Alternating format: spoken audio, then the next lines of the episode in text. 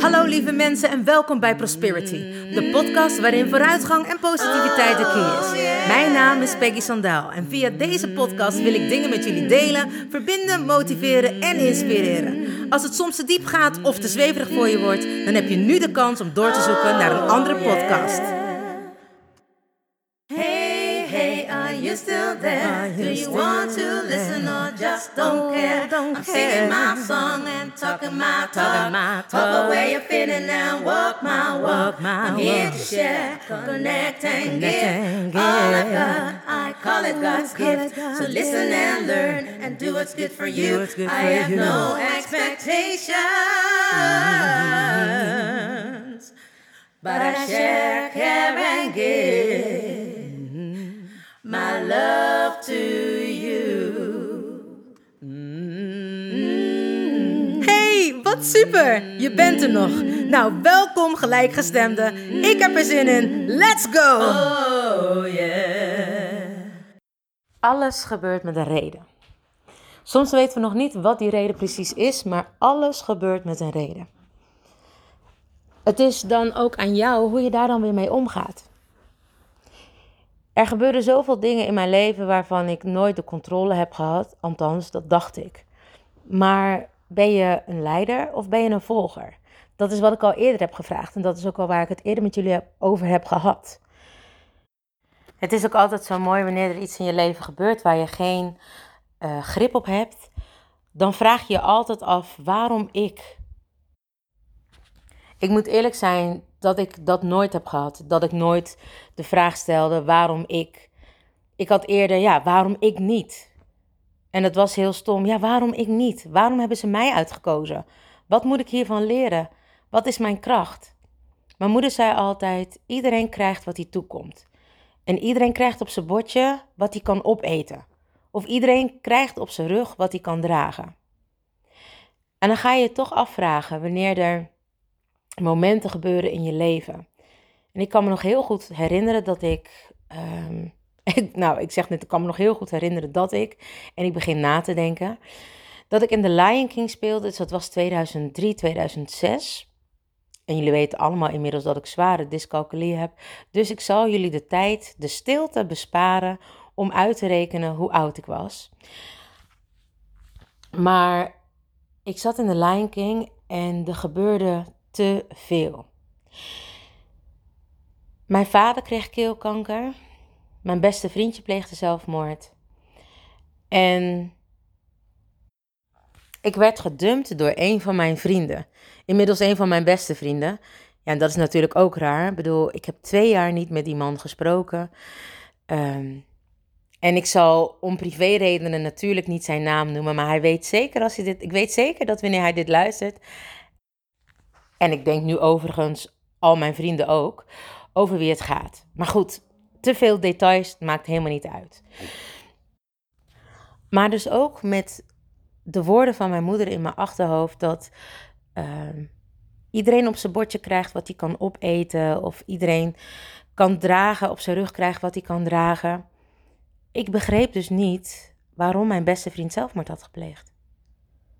Tuurlijk, als in ik was zijn beste vriendin. Ik begreep wel waarom hij dat had gedaan, alleen ik begreep het niet. Als iedereen nou krijgt wat hij toekomt. En als iedereen het gewicht krijgt wat hij kan dragen. Waarom kon hij het dan niet? Waarom kon hij zijn bord niet leeg eten? Waarom kon hij het dan niet dragen? Nou ja, practice what you preach. Dat is dus heel simpel. Hij wilde een les leren. Of misschien wilde hij een ervaring meesteren. Of misschien wilde hij juist wel deze ervaring gewoon meemaken. En had hij besloten: dit is de manier waarop ik wil eindigen. Het is goed zo. Ik word maar zo oud en ik wil al deze dingen doen. En dan is het klaar. En dan ga ik echt met een banger. En dan denk je toch, net als met mijn vader. En dat is ook een mooi gegeven. Dat ik heb geleerd dat je.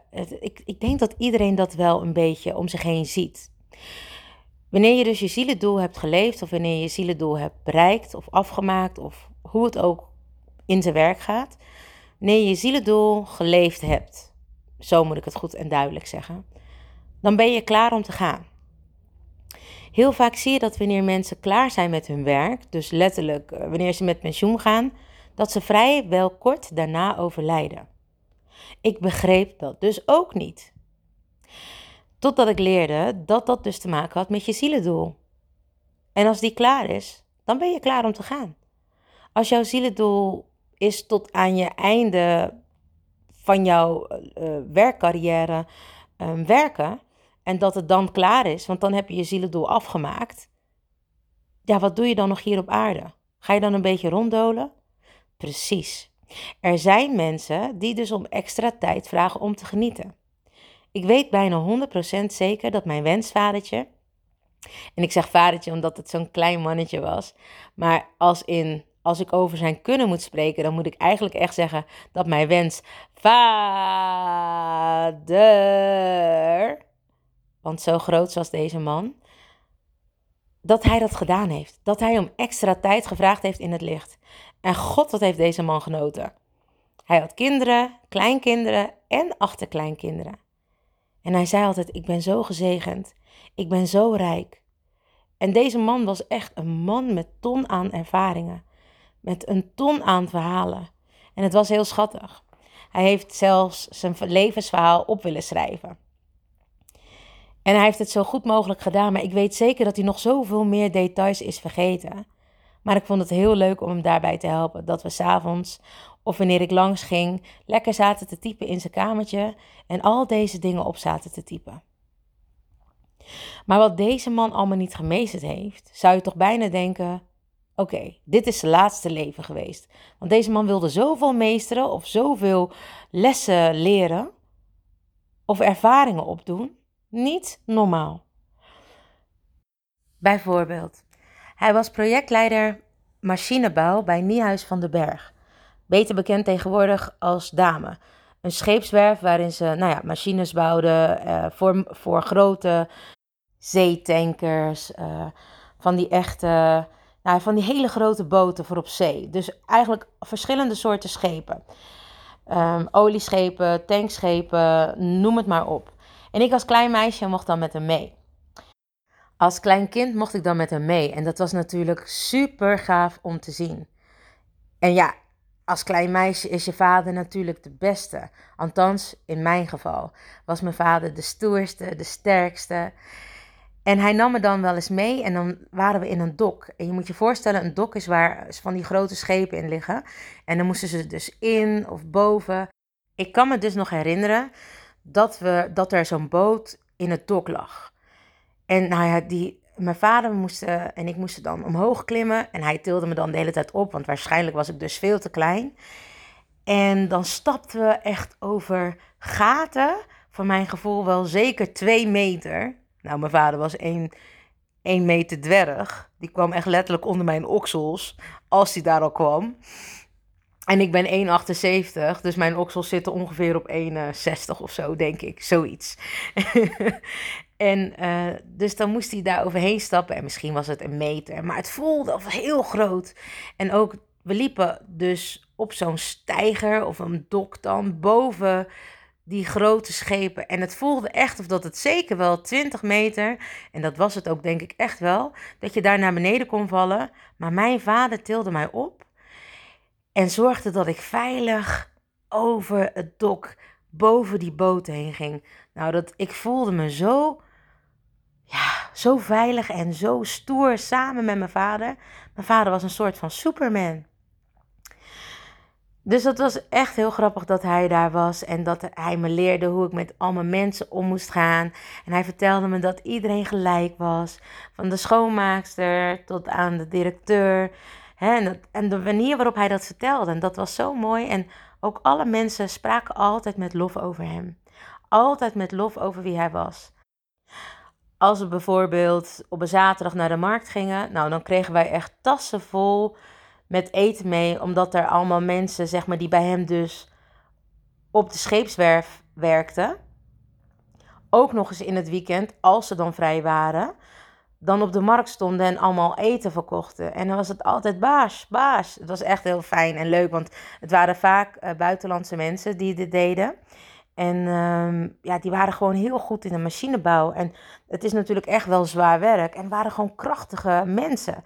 Dus het was zo lief dat hij zo respectvol met iedereen omging. Rangen, standen, uh, waar je vandaan kwam. Het maakte hem niet uit. Je was allemaal gelijk. En dat is ook het mooie wat mijn vader mij heel erg heeft meegegeven. Dat het niet uitmaakt wie je bent, waar je geboren bent. Maar dat je gelijk bent. En ik denk dat ja, dat ook een van zijn zielendoelen was. Om mij heel goed terecht te laten komen in deze wereld. En natuurlijk ook mijn broers. Maar het mooie was dat mijn vader altijd zo intens kon genieten. En ik denk wel eens dat dat komt omdat hij ook de oorlog heeft meegemaakt. En het mooie was dat ik op school heel vaak geschiedenis kreeg en dat ik dan wel eens vroeg, als het over de oorlog ging, pap, maar hoe zat het dan precies? En zei hij, nou meisje, dat is zo verschrikkelijk, daar kan ik eigenlijk niet zo goed over praten. En wanneer er dan een film was, hè, rond 4, 5 mei, dan zenden ze altijd die films uit over de oorlog of wat mensen hebben meegemaakt. En dan zei hij, als je het wil weten, moet je daar maar naar kijken. Maar ja, zoals ik toen, zoals ik nu al ben, was ik toen natuurlijk ook super gevoelig. En ik kon eigenlijk nooit zo goed naar die verschrikkelijke films kijken. Ook al waren het films, je wist toch dat er mensen waren die dit echt hadden meegemaakt. En uh, nou ja, mijn vader was altijd overal bij. Als ik uh, moest sporten, dan kwam hij me halen, kwam hij me brengen. Uh, toen ik klein was, ging ik beletten, kwam hij me halen, kwam hij me brengen. toen ik twirlde, hij was overal bij. Ook later, zeg maar, toen hij eigenlijk niet echt meer goed kon rijden. Of althans, ik wilde niet dat hij zo ver zou rijden. Ik zei altijd, pap, jij bent mijn hele leven mijn chauffeur geweest. Nu kan ik eindelijk jouw chauffeur zijn. Dan moest hij altijd heel hard lachen. Want mijn vader vond het verschrikkelijk om niet zelfstandig te zijn. Of althans, dat er dingen minder werden. Hè? Hij had moeite met het ouder worden. Niet met het ouder worden zelf, maar moeite met het feit dat er steeds minder dingen nog gingen zoals vroeger. Dat hij minder vitaal was, dat hij minder hard kon lopen, dat zijn evenwicht weg, was, dat hij niet meer zo goed kon zien, dat het autorijden eigenlijk ja, best een ding was. Normaal stapte hij gewoon in de auto, ging hij overal heen waar hij naartoe wilde. En nu had hij het gevoel dat hij er toch wel even over na moest denken. Als hij zich niet zo lekker voelde, dan ging hij niet. Hij moest zich echt oké voelen om in die auto te stappen. Het leek wel gewoon of dat alles net even iets moeilijker werd. In ieder geval, ik haalde hem overal op of ik liet hem halen. En uh, door mijn lieve vrienden die mij heel vaak rijden als ik moe ben en uh, nou ja, zo ook mijn vader. Iedereen kende mijn vader en nou, ze vonden het de liefste man. Dus iedereen had het ervoor over om hem op te halen als ik dat niet kon. Toen mijn moeder overleden was, hadden we besloten om mijn vader niet te laten vallen. Natuurlijk doe je dat niet. Maar we hadden besloten dat we allemaal gezellig een familiedag zouden houden. Dat we eens in de maand dan bij mijn vader zouden komen met alle broers en de, en de schoonzussen en eventueel de kinderen. Dus dan zouden er drie generaties in dat huis zijn: vader, kinderen, kleinkinderen en achterkleinkinderen. Oh, zoals ik dus net al zei, ik kan niet zo goed rekenen. Maar als mijn nichtjes dan, of mijn nichtje dan, die ook kinderen heeft, uh, haar kindjes meenam, dan zouden er vier generaties in huis zijn. Hij genoot daar zo enorm van. Dat was zo zijn trots, zijn kinderen. Daar deed hij alles voor. Daar ging hij voor door het vuur. Sterker nog, daar zou hij vermoorden. Je zou denken, welke ouder niet? Ik mag het misschien niet zeggen, maar er zijn sommige ouders waarvan je denkt: wauw. Je beseft echt niet wat voor pareltjes je in je handen hebt. En dat je gezegend bent dat je deze kinderen hebt mogen ontvangen. Minder is natuurlijk waar als je kinderen minder lief zijn, zou je soms zeggen. Dan wil je ze allemaal wel achter het behang plakken. Maar er zijn natuurlijk gevallen, zoals het meisje van Nulde, waarvan je denkt: man, man, man, man. In ieder geval, dat zijn dus ook van die vragen die ik dadelijk weer verder wil beantwoorden. Over everything happens for a reason. En je vraagt je dan echt af waarom dat een reden moest zijn. In ieder geval, terug naar wat ik wilde vertellen over mijn vader. Deze man genoot met volle teugen van al zijn kinderen. En toen mijn moeder dus overleed, hadden we besproken dat we allemaal eens in de week of eens in de maand bij hem zouden komen. En het leuke was dat we allemaal een dag hadden dat we naar onze vader toe gingen. Dus we bezochten hem allemaal wel iedere week. En allemaal om de beurt. En niet eens afgesproken, maar we zagen elkaar, of althans, ik heb heel vaak mijn broers niet gezien. En zij soms elkaar wel. Maar we hadden allemaal een eigen dag of zo. En het was zo fijn, want dan had je gewoon even je vader voor jezelf alleen. Soms wil je dat gewoon, even me-time met je paps of met je mams. Maar helaas was mijn moeder toen al overleden. En dan nam ik hem mee naar Rotterdam en hij keek zijn ogen uit. Want dat was zijn stad, dat was waar hij geboren was. En dan gingen we naar de Kruiskade waar hij gewoond had. En hij zegt, nou meisje, ik herken het echt niet meer terug. En het was zo lief dat je zegt, hij zegt, nou, ze noemden dit altijd de Kruiskade. Echt bizar. Ik herken het gewoon niet meer terug. En hij vond het dan prachtig dat er verschillende nationaliteiten liepen. En dat er zoveel verschillende soorten eten was. En want ik, ik natuurlijk, iedereen die mij kent, die weet dat ik altijd eet. Dus ik stopte altijd wel in een tentje. Zei ik, oh pap, op de Kruiskade is dit heel lekker. Of in de Witte Witstraat is dit echt een heel goed tentje. Of in de Zwart-Janstraat kun je dit lekker eten. Oh, hier bij de Vier Ambachts. Nou, en zo ging het maar door. We waren toen ook bij de markthal geweest. Nou, en dat vond hij ook heel bijzonder. Dat hele plein waar de markt normaal stond en waar de markthal was. Hij vond het zo'n gigantisch ding. Maar hij vond er eigenlijk niet zoveel aan. Hij zegt, nou, het is toch veel te duur? Kun je gewoon beter de markt blijven hebben? En dat was zo mooi.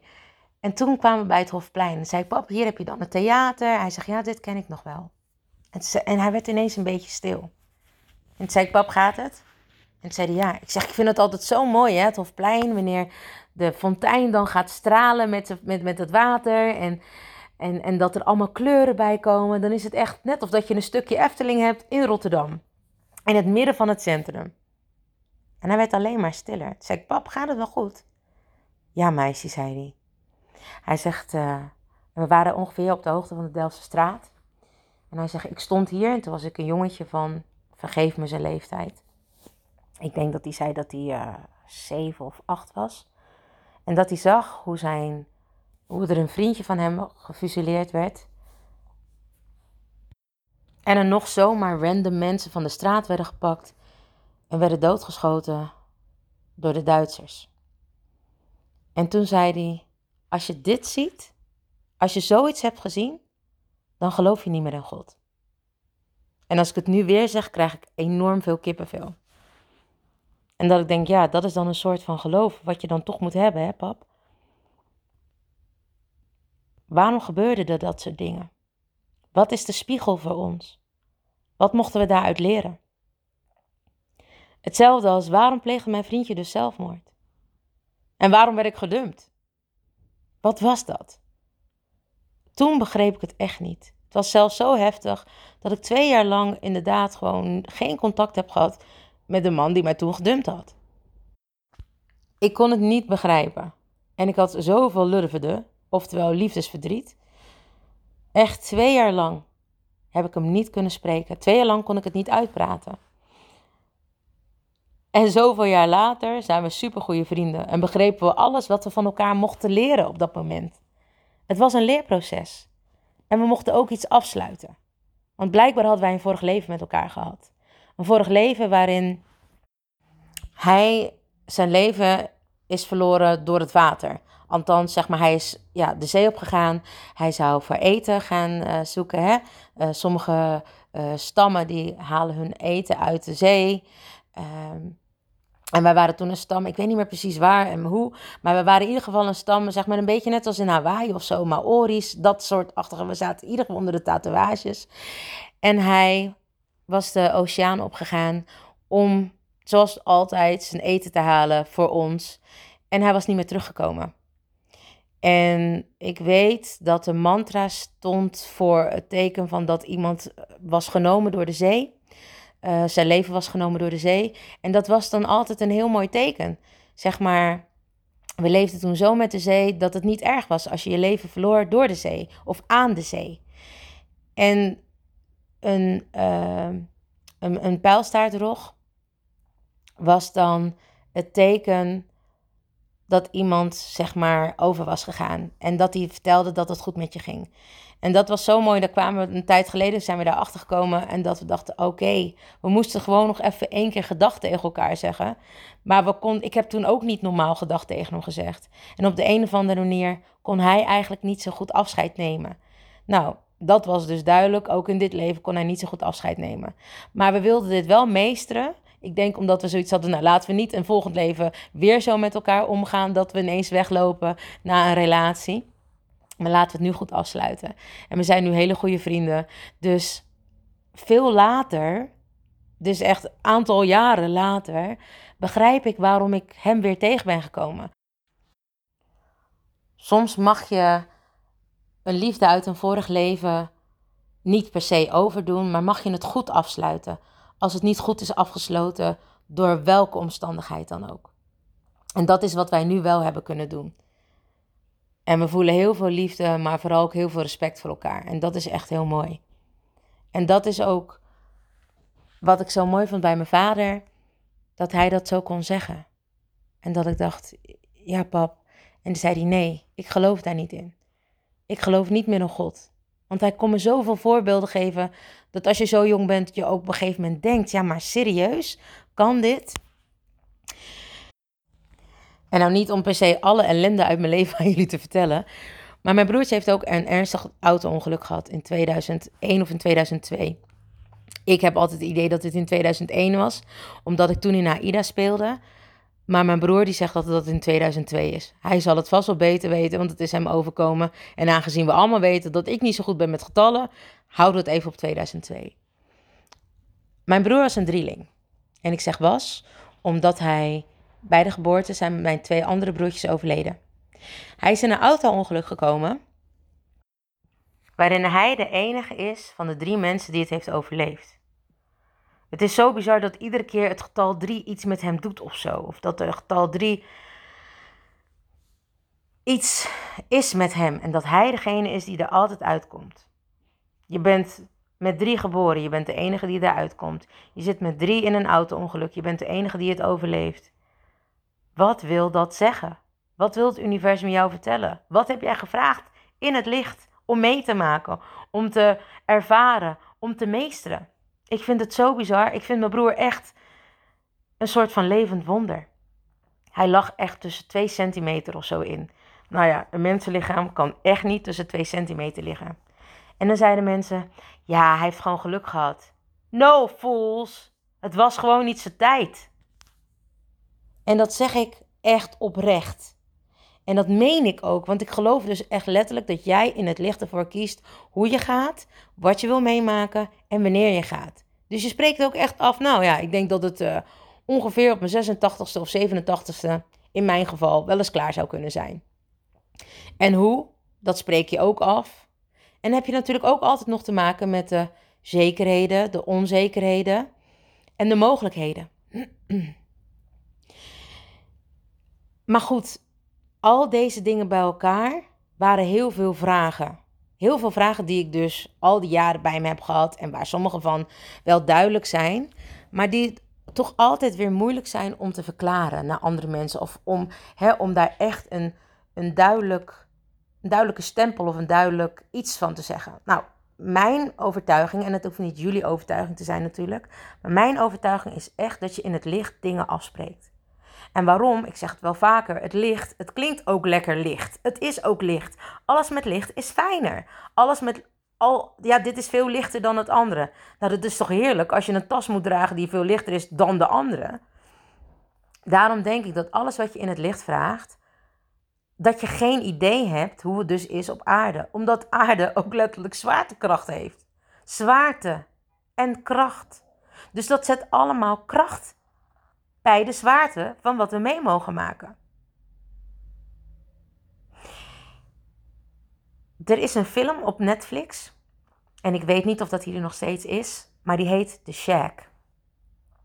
Het gaat over een man. En het is echt een hele bijzondere film.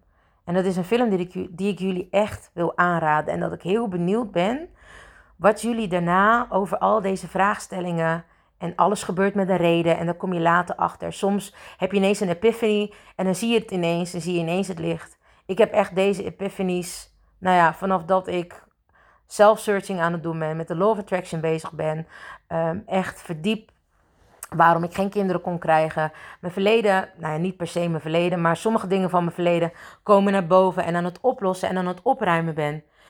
Steeds meer naar boven. He, wat ik al zei, het is het jaar van de ascensie, dus dat alles wat aan het broeien is geweest, of wat je dus onderdrukt hebt, of wat er niet is geweest voor je gevoel, maar waarvan je wel wist dat het bestond, mag nu naar boven komen. Het mag opgeruimd worden. En jij hebt de keuze of dat je dat makkelijk, moeilijk of, ja, of middelmatig wil doen.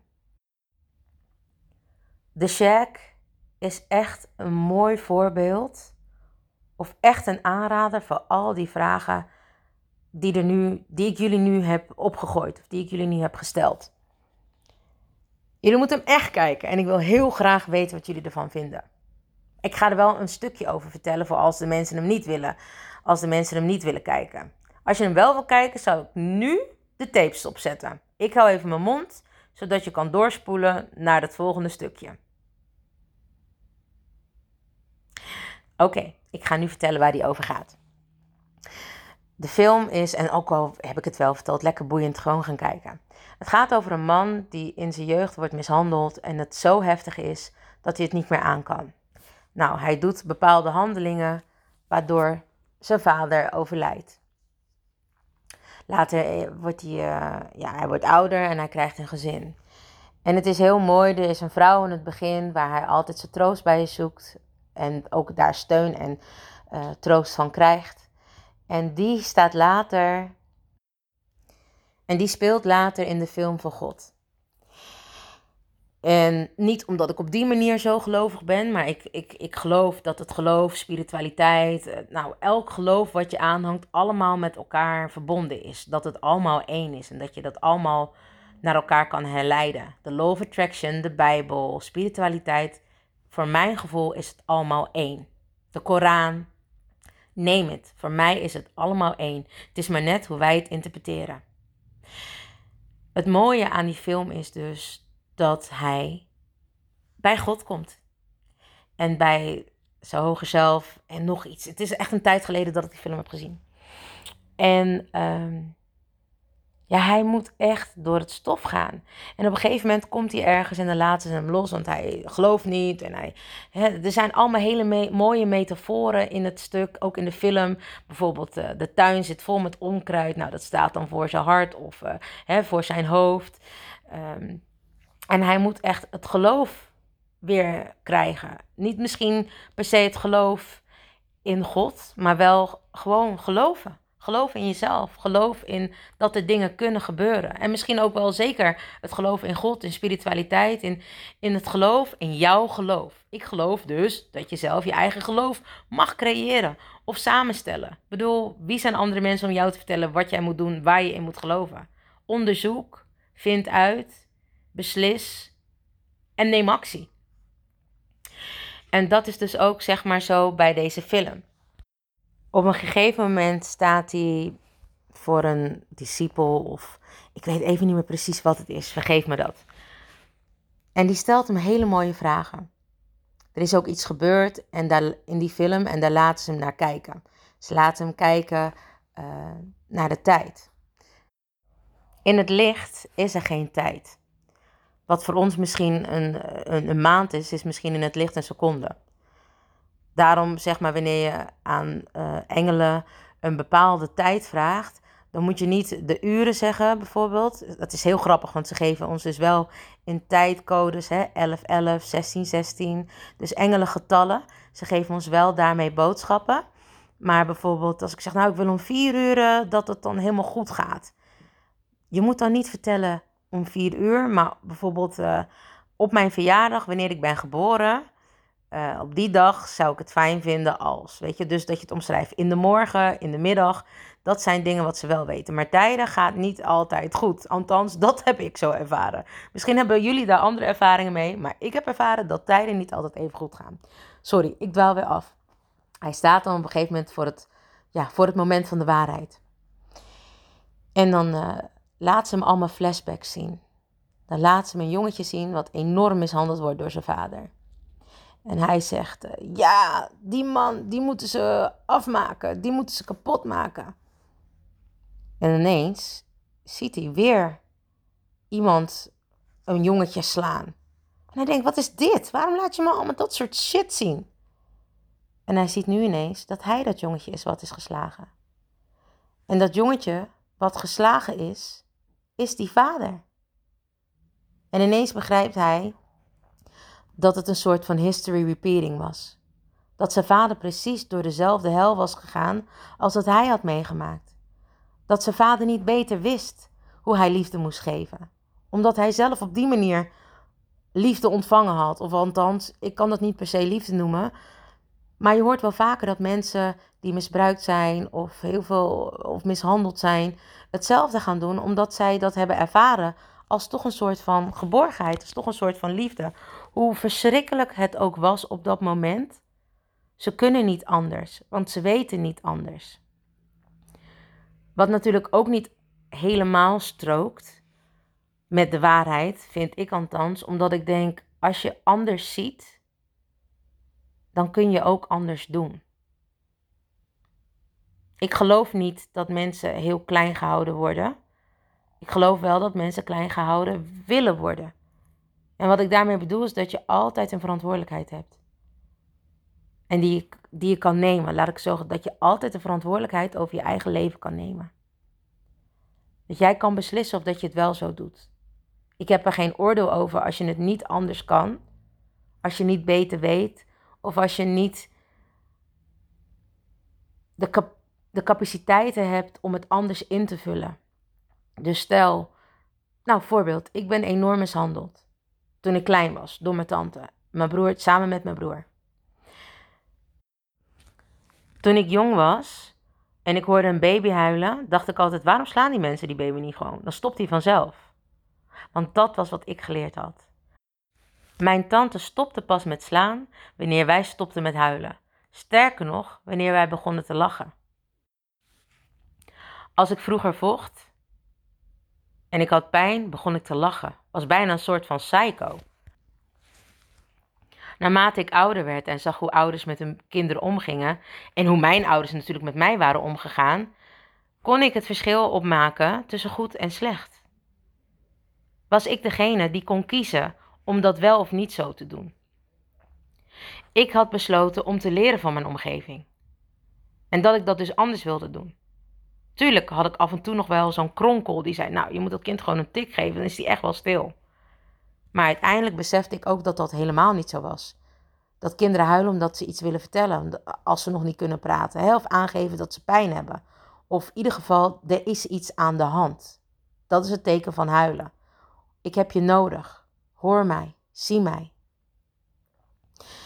En dat was dus het mooie in de film.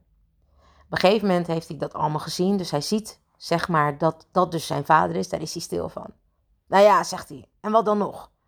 Want hij wilde eigenlijk niet erkennen dat zijn vader hetzelfde had meegemaakt en dat hij ja, dus iets had gedaan wat hij niet meer terug kon draaien, maar wat zijn vader eigenlijk, waar zijn vader eigenlijk ook niks aan kon doen. En er kwamen nog meer van dat soort momenten. En toen zei die uh, persoon van oké, nou je weet het toch allemaal zo goed. Uh, als je moet kiezen, je dochter of je zoon. Wat, mijn dochter of mijn zoon? Nou, je moet één van de twee moet je opofferen. Eén van de twee moet dood. Ja, maar dat kan niet. Dat, dat, dat kan niet. Dat kan ik niet. Ik kan niet kiezen tussen mijn kinderen. En dat was het mooie. En dat, was zo, dat, dat kwam zo bij mij binnen. Toen zei die persoon: En waarom denk je dan dat God wel kan kiezen tussen zijn kinderen? En dit was naar aanleiding van wat hij zei van ja, en maar oké, weet je, hij wilde dan niet terugkijken naar zijn vader en natuurlijk wat hij had gedaan. Hij heeft zijn vader uiteindelijk vermoord door gif. En uh, dus dat wilde hij niet erkennen. Ik bedoel, hè, zijn vader mishandelt hem, maar hij vermoordt hem. Ja, ben je dan beter? Ja, je kan zeggen, ja, oké, maar hij doet dat omdat. Ja, maar ben je dan beter? Ben jij beter omdat iemand jou slaat, dat je die persoon dan met grover geschud dan maar stopt? Ben je dan beter? En geloof me, ik ben echt niet heiliger dan de paus. Want ik heb genoeg vriendinnen en vrienden die misbruikt, mishandeld zijn. En oh god, als ik een martelaar kon zijn, ik heb de meest, sorry, maar dan echt zieke ideeën wanneer het komt, wanneer het erop aankomt, wanneer mensen aan mijn vrienden komen. Dan wil ik echt van alles met die personen doen. En hoe ziek dat ook klinkt, maar ik denk dat iedereen dat wel heeft. We willen allemaal de mensen waar we van houden beschermen. En het maakt niet uit wat we daarvoor moeten doen. Althans, misschien niet bij iedereen, maar er zijn echt letterlijk mensen waar je je leven voor wil geven. Maar terugkomende op dat mooie wat bij mij zo enorm binnenkwam. Hè? Er wordt altijd gezegd, wij zijn allemaal kinderen van God. Geef het even een andere naam als je niet eh, op die manier jezelf kan relateren met God. We zijn allemaal verbonden met elkaar. We zijn allemaal kinderen van een hogere macht. En wie zijn wij dan om tegen die vader te zeggen of tegen die moeder te zeggen: Oké, Jantje is niet aardig geweest, vaag hem maar gelijk van de aardbol af. Wie zijn wij om dat te zeggen? Want doe dat eens met je eigen kinderen. Draai het eens om naar jezelf. Draai het eens om naar jezelf. Zou jij een keuze kunnen maken tussen een van je twee kinderen als de een misschien wat minder goed is? Of als de een misschien wat kwaadaardiger is? Als de een beter uitblinkt in iets dan de ander? En wie zijn wij dus om eigenlijk te oordelen over anderen? Zolang we niet zelf in dat straatje of in die situatie zitten, moeten we misschien minder wijzen. En moeten we eens wat vaker bij onszelf te raden gaan. Wat zou jij doen in zo'n situatie? En daarbij weer, alles gebeurt met een reden. Ik heb het al vaker gezegd, we zijn zielen met een lichaam. En eigenlijk alle zielen die we ook in dit leven tegenkomen, dat zijn de zielen waar we ook mee in een zielencluster zitten. We zijn dus eigenlijk allemaal zielsverwanten. Zielenbroers en zusters. Want we zitten met z'n allen in een cluster. Daarom zijn we uiteindelijk ook met z'n allen één. En zijn we hier om elkaar te dienen, elkaar te helpen. Zijn we in het licht, dan is ook alles heel licht. En zeggen we, joh, wat wil jij leren in dit leven? Nou, ik wil misschien mijn grenzen wel eens leren aangeven. Um, Oké, en op welke manier zou je dat willen? Nou ja, neem het. Neem elke situatie die je zelf hebt leren kennen, waarin je jezelf moest beschermen, waarin je nee had moeten zeggen, waarin je het niet kon en waar iemand volledig over je grens heen is gegaan. We zijn nu heel boos omdat we het niet kunnen relativeren en dat we het ook niet meer weten wat we vaak hebben afgesproken in het licht. Maar vaak hebben we afgesproken dat die persoon of dat we elkaar zouden helpen. Dat we elkaar zouden dienen in wat we verwachten en wat we wilden. En dat we dat hebben gevraagd in het licht. En dat gaat echt ver. Van ziektes, van overvallen, verkrachtingen, moorden, maar ook de positieve dingen. Trouwen, elkaar dingen gunnen, doorbreken, goede carrières, elkaar helpen in mooie dromen te bouwen. Zowel het goede als het slechte hebben we afgesproken in het licht. Zowel het goede als het slechte is wat we willen ervaren. Zoals we wel vaker zeggen, zonder diepe dalen geen hoge pieken. En nu is de tijd aangebroken dat alles wat naar boven komt, hoe vervelend of hoe mooi ook, soms onbegrijpelijk of wel begrijpelijk, het mag. En wij kunnen ervoor kiezen hoe we ermee omgaan. Dat is het enige wat wij kunnen doen. Onthoud dat alles wat op je pad komt een ervaring is. Een les. Iets wat je wilde leren. Iets wat je kan meesteren. Onthoud ook dat er geen verkeerde keuzes zijn. Want al kies je het ene niet, dan heeft het andere zo moeten zijn. Of voor een les, of om iemand anders te dienen, of om iets te meesteren. Maar zoals ik in het begin al zei, alles gebeurt met een reden.